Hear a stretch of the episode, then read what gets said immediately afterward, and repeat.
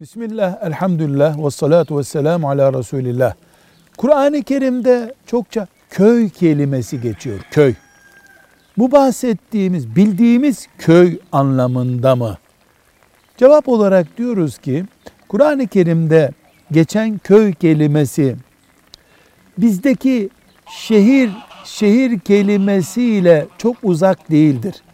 Şehir daha büyük yapılaşmaların olduğu yer, köyde yine insanların yapılaşarak oturduğu yerdir. Dolayısıyla köy deyince şehir görmemiş insan anlamında değil.